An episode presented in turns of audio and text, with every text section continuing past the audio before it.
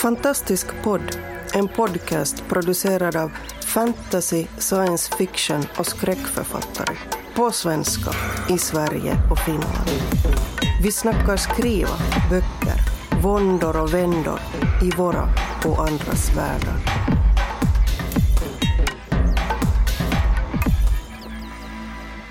Hej och välkomna till Fantastisk podd.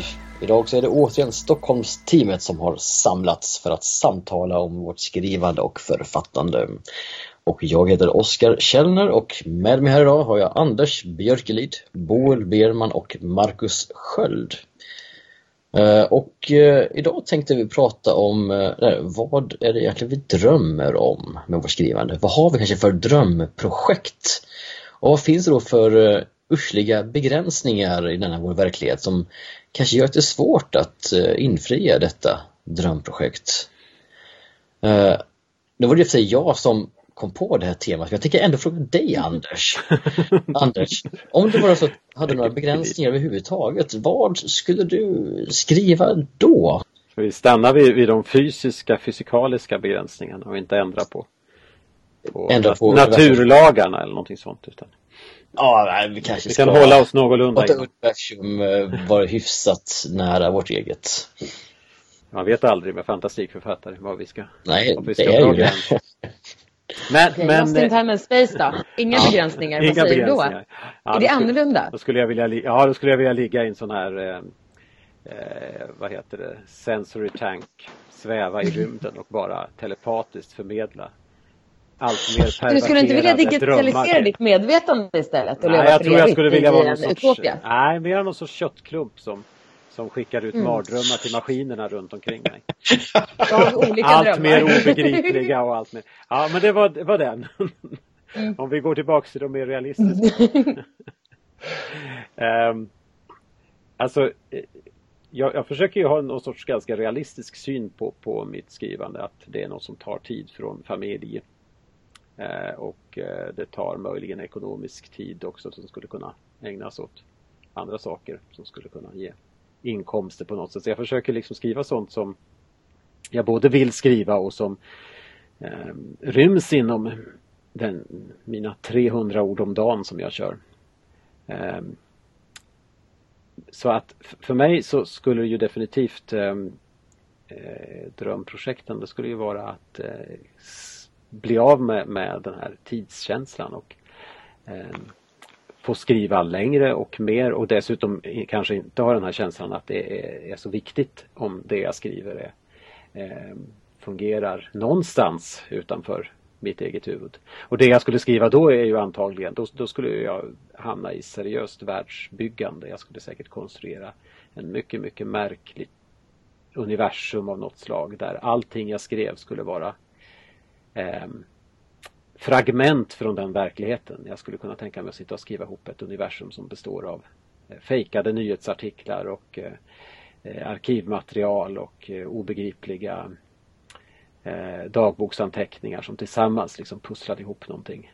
Eh, Men, men då blir ju min följdfråga, Ja. men du tänker fortfarande om du skulle göra det här, vilket jag Mm, absolut tycker mm. att du ska göra, eh, så, så, så är min fråga liksom, är det fortfarande till exempel bok vi pratar om? Eller skulle du kunna tänka dig att göra det i en annan form? Rollspelsvärld låter det ju till exempel väldigt, ja, men, eh, du vet, det- eller jag dataspel en- som är ett mysterie liksom i ett helt Ja, nytt jag har ju skrivit rollspelsvärldar eh, på det Mm. sättet och, och skrivit det som fragment på det sättet. Men, men de, de är ju ändå till för att de ska användas på ett annat sätt. De ska man ju göra berättelsen om sen i, pussla ihop på det sättet. Jag tänker mig att det här är ju sånt här, sånt här tycker jag om för att göra något som läsaren själv får eh, se eh, vad, vad det här vad det är. Men det finns en, en läsare med i din, ditt drömscenario ändå. ja, det är väl jag själv då. Det är du själv. Ja, det är bara Okej. jag själv i det läget. Jag tror inte någon annan skulle stå ut med, med så invecklade saker. Jag brukar ju ibland säga det att jag är lite int- ointresserad av plott och karaktärer. Jag skulle vilja skriva guideböcker till främmande världar bara.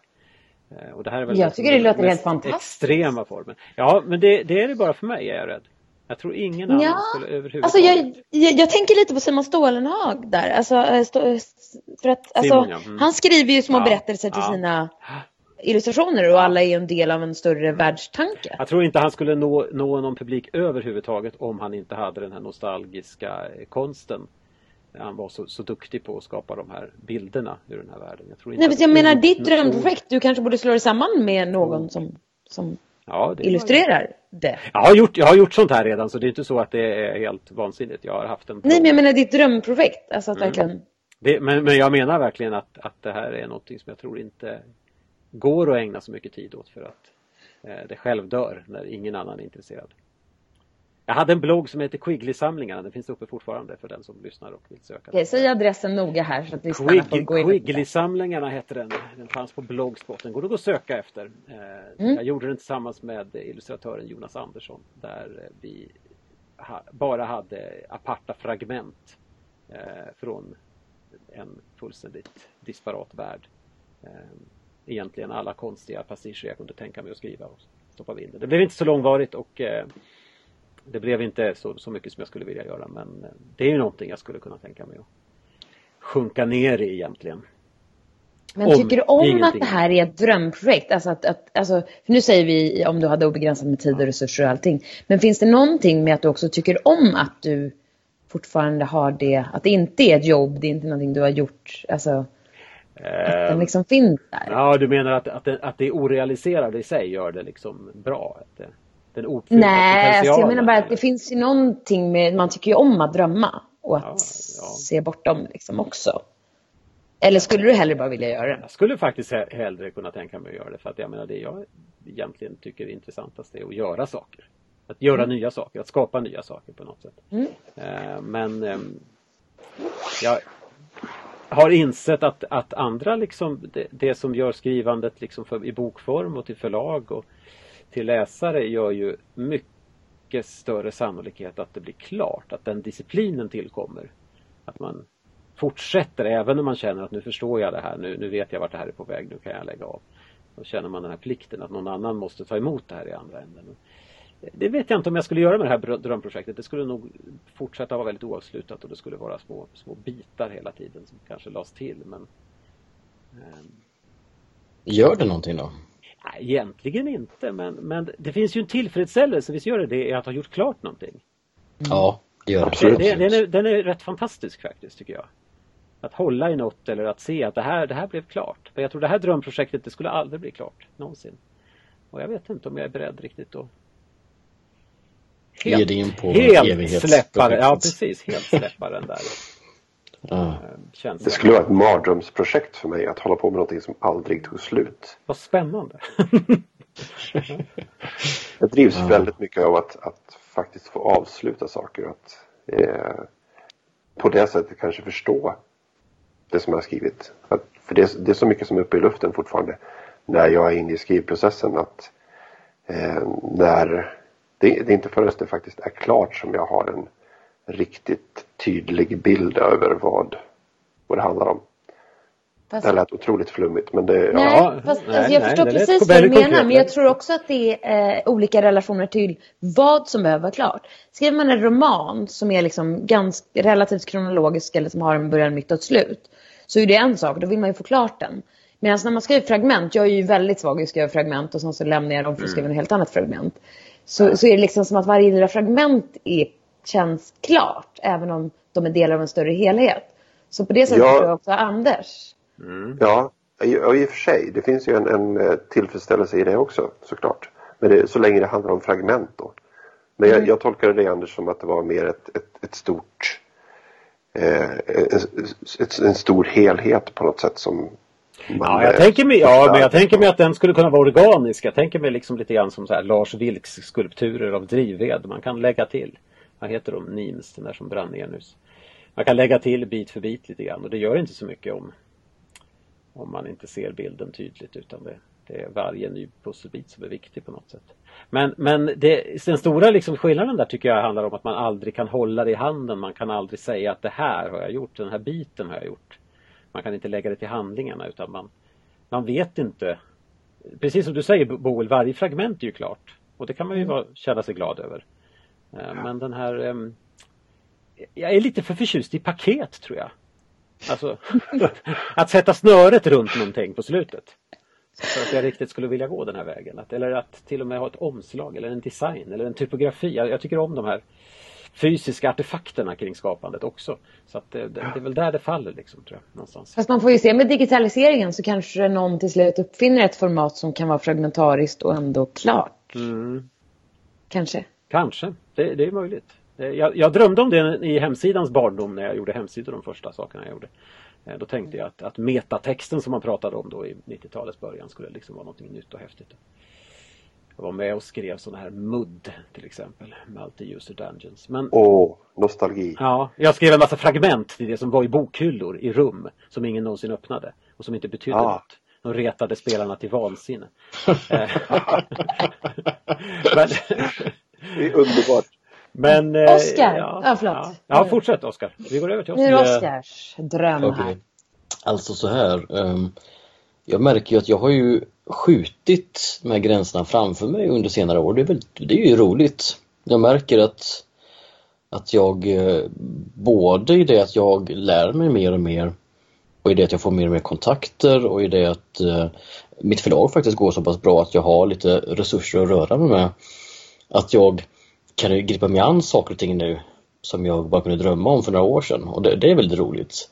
Men det finns ju fortfarande grejer som, som ligger långt borta för det jag faktiskt kan göra och som Anders var inne på innan, den, den största begränsningen där är ju eh, tiden.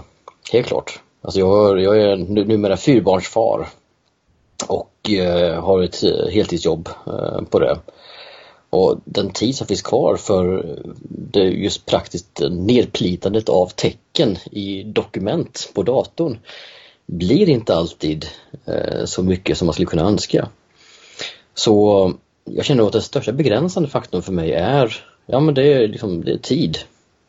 Om jag, om, jag, om jag fick drömma skulle jag kunna eh, gå in i någon slags parallell eh, tidsverklighet jag kliver ur några minuter bara från hemmet och så kan jag sitta i timmar in och skriva, sen kliva tillbaka igen. Eh, det medför i och för sig sina egna risker. Man kanske åldras 90 eh, år, de andra åldras 5. Men, eh, Man får lösa det. Hanteras med, med måtta. Mm. Men om du hade detta alternativa om jag hade versum då? Då skulle jag vilja skriva en sån där riktigt enorm bombastisk eh, science fiction-saga. Eh, eh, tänk er alltså något typ av Game of Thrones in space med eh, enorma rymdimperier som reser sig och faller. Massa olika klaner och familjer och fraktioner som konkurrerar och sticker varandra i ryggen. Enorma slag med tusentals rymdskepp och avancerad te teknologi och AIs och intriger och politiska rävspel. Och, ja, det, vore, det vore fantastiskt kul alltså. Det låter ju underbart. Eh, och det roliga är att det var exakt vad jag sa till Marcus när vi pratade om just det här ämnet. att jag misstänkte att du ville göra det. så är att jag hade rätt. Jag tänkte just så här, extremt storslaget, episkt, bortom alla ord i rymden liksom. Ja, så det, du känner mig vid det här laget. jag gör det. ja. Nej men, men det, det, vore, det vore fantastiskt kul. Alltså. Men just för att göra men... de här bombastiska sakerna, det, det, tar tid och det är tid jag inte har. Så jag måste fokusera ner på de här kortare historierna. Oscar. Och eh, som Marcus pratade om tidigare, som se att göra någonting klart. Oskar, kort fråga där. Har här, den här liksom drömmen, ligger den liksom ändå eh, bakom skrivandet nu? Se, ser du de här, det här rymdimperiet eller den här sagan liksom vid horisonten eller är det här någonting du tänker att du skulle uppfinna om du hade tid? Eller finns, finns bitar av det här hos dig redan nu? Jag tror att det alltid har funnits, eller alltid, alltid, men en, okay, ända sedan jag som ung tonåring läste Isaac Asimovs Stiftelsen. Mm. Med eh, de väldiga tidsperspektiven och rymdimperiet Trantor som uh, kollapsar och stiftelsen som reser sig upp uh, för att mota bort barbariet och nej, hela, hela den storslagna uh, tänk... alltså Just när du säger tidslinjen där, alltså för den utspelar sig under, alltså gud hur lång tid är det? Jag minns inte. Det är barbariet ja, alltså, som ska bli de, så här... De beräknar ju att barbariet ska utspela sig typ 30 000 år men tack mm. vare stiftelsen så förkortas det till bara, det. det bara några tusen år. Ja, just det. Så eh, jo men det är ju det, det är tidslinjer över tusentals år liksom. Va? Och, och just det riktigt episka anslaget. Eh, det, det är väl någonting jag burit med mig sedan dess egentligen. Jag älskar de här stora eh, rymdsåporna Det, det finns eh, en hel ganska bra anime faktiskt. Eh, som, eh, som går åt det här hållet. Um, just nu kommer jag inte på någon bara för, för det. Men, men du, till dem sen. Av eh, Galactic Heroes till exempel, det är en sån klassiker. Eh, och det finns massor med andra sen. Jag kan lägga lite, lite länkar i show notes till den här. Men, Men Oskar, varför är det här bara en dröm? Alltså, om vi bortser från då tidsbristen. Så här, alltså, för jag menar, du har ju skrivit en del... Bortsett Nej, men nu bortser vi från den. Nu ska vi inte begränsas av någonting. Alltså, du har ändå skrivit noveller, misstänker jag, som utspelar sig lite åt det, liksom, det hållet, det universumet som du ändå tänker på. jag har skrivit eh, ganska många noveller som utspelar sig i, eh, i universum där sånt händer. Ja, Mm. absolut. För jag menar bara så här, alltså ett steg skulle ju vara liksom när man samlar alla novellerna och ger ut dem på liksom ett specifikt världstema. Sen så att skriva en roman, liksom ett första steg, alltså det kan ju vara lite som Sen handlar det om man, om man vill ge ifrån sig sin skapelse. Men om man tar Metro 2033. Jag menar, han har ju inte skrivit om alla delar i hela världen. Men det finns ju fanfiction skrivet på det konceptet. Om vad som skulle hända i vårt tunnelbanesystem under apokalypsen och så vidare. Och Så hur att jag skulle menar, du ställa alltså- dig till det, Oskar? Ja, precis. Skulle du vara beredd på att skapa universumet och låta andra liksom... Det är en intressant tanke. Det har jag inte tänkt på. Det måste jag nog faktiskt tugga lite grann på. Därför blir det sidan lite H.P. Lovecraft, sätta ramar, Ja, liksom. ja, men det är ju kul att leka i en gemensam sandlåda, det är det ju. Mm. Å andra sidan så har jag ju också en släng av det här kon- kon- control freaks-grejen. Det är därför också som jag kör mitt eget eh, så mycket. Jag tycker Mm. om att ha total kontroll på allting som är och gör. Nästan då som att jag, jag känner spontant att ja, det vore väldigt kul. Men då vill jag nästan kanske skapa två bombastiska universum. Ett där vi kan leka tillsammans och ett som bara är nytt. Och det ena behöver inte vara bättre än det andra. Det är bara att de är lite olika. Det, det, det det det andra alternativet är ju att du själv påbörjar den här men att du skriver liksom varje del hyfsat fristående och ger ut det som romaner eller liksom Och så. sen, och sen dör jag. Och då kommer alla ta över det ska man göra. 70 år efter din död eller vad det är. Nej men eh, Robert Jordan eh, tog ju, hur många år tog det för Sanderson? Ja, nej, jag, jag tror vi skippar dödet faktiskt. Jag, jag, jag trivs bättre att leva tror jag faktiskt. Ja men alltså de, jag läste någon vetenskapsartikel om att eh, de har fått, vad är det, mössgener att föryngras. Så det är inte så långt kvar nu tills vi kan leva för evigt och alla, med alla de problem som kommer med det. Ja precis, vi får sikta på det. Det tar vi hand om. Jo, när vi... Ja, nej men du då Boel? Nej, vi tar Marcus. Jag vet inte. jag kanske säger något sen. Marcus, Ja. eh, Drömmen. dröm- Drömmen. Nej, men drömmen är väl eh, egentligen, alltså det handlar ju väldigt mycket om tid. Att ha tiden att, att skriva eh, allt det som man vill. Och jag har ju inte, jag har ju inte liksom de här eh, gigantiska visionerna av att skapa ett fullständigt universum eh, med en massa olika eh, planeter och raser och släkter och eh, politiska fejder och så. Eh, men eh, jag, som jag var inne på tidigare, så jag, jag, jag drivs ju väldigt mycket av att, att få saker och ting klara. Att, att, liksom, att avsluta. Eh, och det har jag pratat om vid andra tillfällen. att eh, Tanken på att skriva till exempel en serie eh, är inte någonting som direkt lockar mig. Eh, oftast när jag skrivit en, en berättelse så är jag väldigt klar med den. Då, då vill jag helst inte se de karaktärerna igen. Klokt. Sen så kan det naturligtvis förändras så att man eh, börjar sakna dem efter ett tag. Men åtminstone inte tillräckligt mycket i det skedet så att jag känner att jag vill ge mig in på något sådant projekt. Däremot så eh, tänker jag mig att alla mina berättelser utspelas i samma värld. Mhm. Eh, och eh, jag är ju lite grann sådär så att jag hittar på eh, fiktiva orter. Eh, vilket inte nu stämmer speciellt bra med att jag hela tiden har sagt att jag inte gillar världsbyggen. Men jag baserar det ändå på, på vår eh, värld så som den ser ut idag. Och eh, jag känner att jag kommer undan en hel del med det. Eh, men att jag ändå kan ändra på vissa detaljer. Och eh, jag känner nu, jag håller på att skriva på en, en ny roman som, som utspelar sig i samma, eh, samma värld, samma landskap som, eh, som Kalldrag till exempel. Och eh, försöker komma på hur de här orterna relaterar till varandra. Så att jag kanske, utan att jag inser det, har exakt samma dröm som du Oskar. kom jag på precis nu. Eh, Ser man. ja, Du, du är redan på gång dessutom. ja eh, kanske det. Men jag har, inte, jag har inte de här, jag har inte planerna uppdragna framför mig eh, så här från början direkt. Men Marcus, finns inte det någonting i skräckgenren här som, som eh, uppmanar, uppmuntrar till det här också? Jag tänker både, vi har tagit upp Lovecraft tidigare och eh, Stephen King.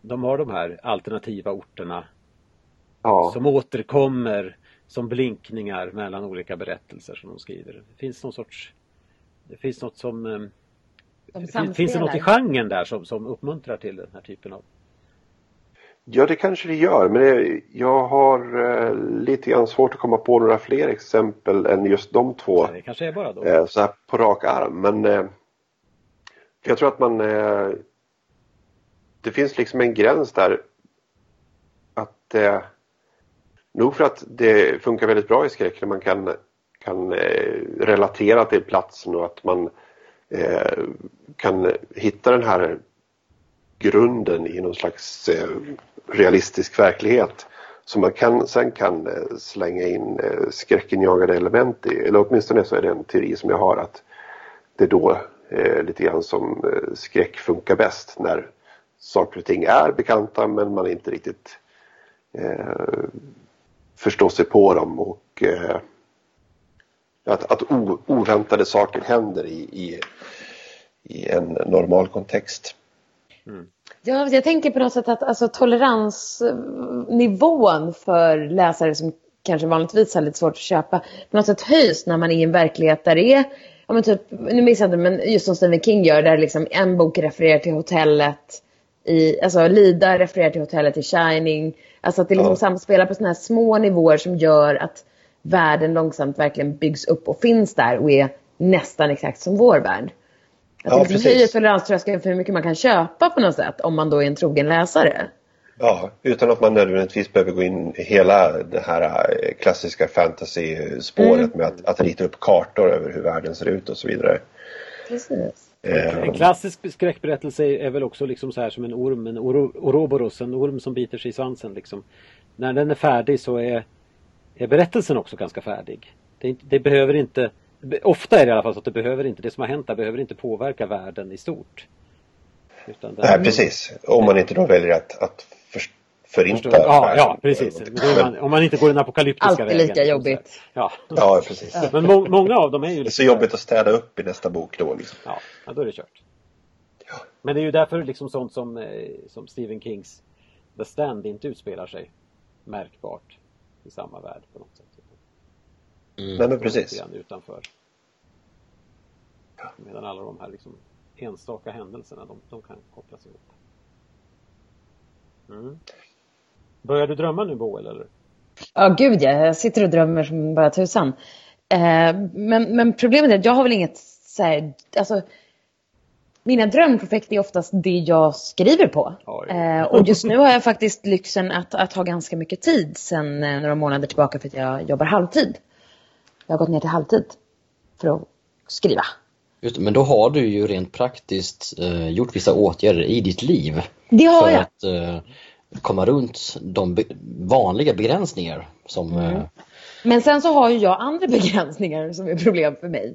Och ett av dem är ju att jag inte har något tålamod. så att jag vill gärna testa idéer och sen springa vidare. Vi- Alltså det är ju mitt eviga dilemma. Eh, att jag önskar att jag bara kunde älska att skriva på samma idé och ha tålamod att- bita mig fast och inte ge upp saker.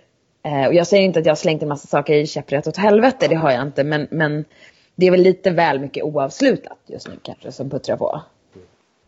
Det är Ehm, så intressant det där tycker jag. mm. Jag känner, i- får jag köra en liten Ja, instickare ja. där? Jag känner, jag känner igen mig så väldigt mycket i det där. Jag har väldigt svårt att liksom göra färdigt och, och avsluta. Och det, för mig var det ju inte förrän eh, jag fick barn och liksom det blev någon sorts pistol mot, mot tinningen. Att det här är bara den tiden du har. Det här är, det, det är begränsat hur mycket du kan jobba. Och, så, som jag blev disciplinerad och började göra slut på saker. Började göra färdigt saker. Eh, tidigare har jag hur mycket som helst bakom mig som inte är någonting. Så att på något sätt, det absurda är att för mig har det liksom fungerat bättre att göra klart saker i och med att jag inte har möjligheten att göra något stort. Mm. Eh, Eller, eller möjligheten att springa vidare på något sätt. Märkligt. Jag menar, det, behöver inte, det är ju inte, inte barnen i sig men just den där ramen eh, som, som tillkom. Det, Ja, det- lite jag det behöver nog det också. Eh, rent krasst så det här, det här ehm, lilla projektet med mysdeckare. Mm. Som jag, har- det har ju en väldigt tydlig deadline. I, och en första deadline. Så nu har jag två veckor på mig att jag ska liksom försöka skapa ja, ett antal mord och se om jag kan. Alltså synopsissteget bara. Eh, och sen så kommer det andra dilemmat när man faktiskt ska skriva dem ordentligt. Eh, men, men det tog jag ju nästan bara för att det var så här, det, det var ju som att jag gav mig själv en egen deadline bara för att jag skulle, vill se om jag kan prestera hårdare och mer och Nu har du testa en sagt, nu har du sagt det här, nu är det på riktigt. Ja, men lite så. Jag älskar ju utmaningar. Det, det, det är i stort sett, om någon slår vad med mig om att jag ska skriva något så kommer jag att skriva det. Oj. Eh, till och med på den nivån. Oj. Ja. Det här borde jag inte ha sagt till er. Nej, just det. kommer ni att ge mig en massa Vi har ju en massa drömprojekt vi skulle vilja att de blev skrivna nämligen. Nej men alltså det, det behövs det. Alltså man kan sätta deadlines för sig själv men de är man lite mer flexibel med. Nej, Tyvärr. precis, ja, jag, jag förstår precis den där känslan av att andras krav är faktiskt bättre just i det läget. Men det är ju det. Dumt nog. Ehm, men jag menar sen så är det så här drömprojekt. Det, det handlar nästan mer, där snackar vi verkligen alternativa universum och det är så här. Jag skulle tycka att det var jättekul att till exempel eh, bygga världar eller vara jättebra på att få in miljöbeskrivningar i text på ett naturligt sätt utan att man sitter och försöker krysta och få in miljöbeskrivningar. För att jag skriver aldrig miljöbeskrivningar. Så att det är mer så här språkliga saker som jag önskar att jag var bättre på. Jag önskar att jag kunde få dialoger att liksom flyta som ett naturligt samtal. Liksom, ja, så att det verkligen kändes som att man satt och lyssnade på folk med avbrott och allting. Ehm, Men det är ju liksom... Fast, fast vill man läsa konversationer med avbrott? Alltså, Så- Det är det jag känns- Som, som känns skulle som det. Ja, precis. Skriva dialoger som ja, känns... visst, det känns precis. Därför jag tror inte det finns någon eh, dialog som flyter på bra i en bok som faktiskt är helt realistisk. Nej, de, de är alltid slipade på något sätt. Men det är ju som när man redan skriver en intervju. Alltså man kan ju inte skriva som folk säger. Nej. Exakt. Sen så får man ju skicka det till intervjupersonen så att de får godkänna den omskrivning av verkligheten, så att säga. Ja, så att precis. fångat innebörden och det som de faktiskt säg, vill ha sagt. Mm. Det är ju grund, grunduppdraget för allt vi gör. Det, det får gärna kännas som det är på riktigt. Mm. Men det kan ju inte vara som, som det är på riktigt. Eh, Folk tror ju sällan på verkligheten när de får den tillbaka. En annan. Nej, det märks. Skriva overkligt som känns verkligt. Så Ja, ja just har det. Precis. Ja. Mm. Jaha. Eh, Så. Det lät ändå som det mest uppnåeliga av våra drömprojekt. Vad skönt. Då har jag liksom... Jag tror ju att jag, jag är hopplösast. Nej, varför säger du det för? En gra- ja, men du Du, har ju... du, du, du, har dina, du har dina 300 ord per dag.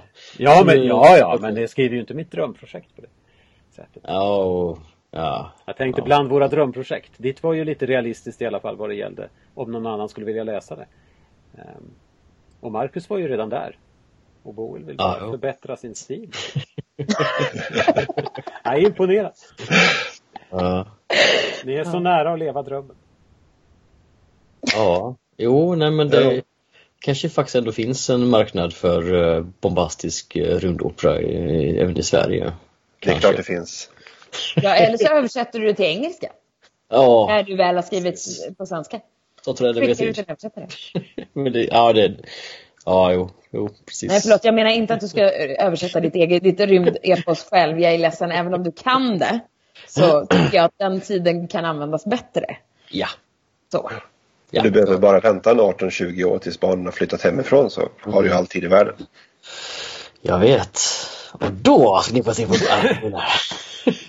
Okej. Så, och det leder till frågan. Hur ser drömmen när ni är pensionerade? Oj, jag vet inte. Det här vågar jag inte gå in på tror jag. Nej, alltså om 18 år eh, när eh, det kommer vara verkligen se så annorlunda ut på så många sätt. Eh, VR kommer ha slagit igenom, vi kommer ha automatiserade fabriker, vi kommer antagligen tvingas ställa om vår ekonomi till någon typ av medborgarlön och grejer. Och det är så mycket som kommer vara annorlunda. Så oj, oj, oj. Det är väldigt svårt att uh, uttala sig om faktiskt, vilka förutsättningar man har att, skriva, eftersom det är det vi pratar om här. För att tala om resten av hur vårt samhälle kommer att vara uppställt och fungera. Ja, apor som har tagit över planeten, flygande bilar. Samtidigt ja. Flygande bilar finns ju redan, det är bara jättesvårt att få in dem i praktiken. Mm. Men hörni, ja. det var våran tid är ute. Drömmen är slut. Det är inte otroligt. Drömmen, Drömmen är slut. Sorgligt. Vi får uh, drömma nya drömmar och så får vi uh, hoppas att uh, våra kära lyssnare också tar detta till sitt hjärta och uh, låter sina drömmar bli till verklighet. Mm. Men någonting annat mindre. Jag tyckte det lät så otäckt det där sista. Jag vill inte tillägga något efter det. Förlåt. No. Ja, det är bra. Tack för ikväll nu. Tack för idag. Tack du ha. Hej då. Hej, hej. hej då. Du har lyssnat på Fantastisk podd. Om du trivdes i vårt fantastiska poddsällskap och vill ha mer så hittar du äldre poddar och information om oss som deltar på vår hemsida under fantastiskpodd.se och på vår Facebook-sida Fantastisk podd. Har du frågor eller förslag på vad du tycker att vi ska tala om, hör gärna av dig antingen på Facebook eller via kommentarer på hemsidan. Vi hörs!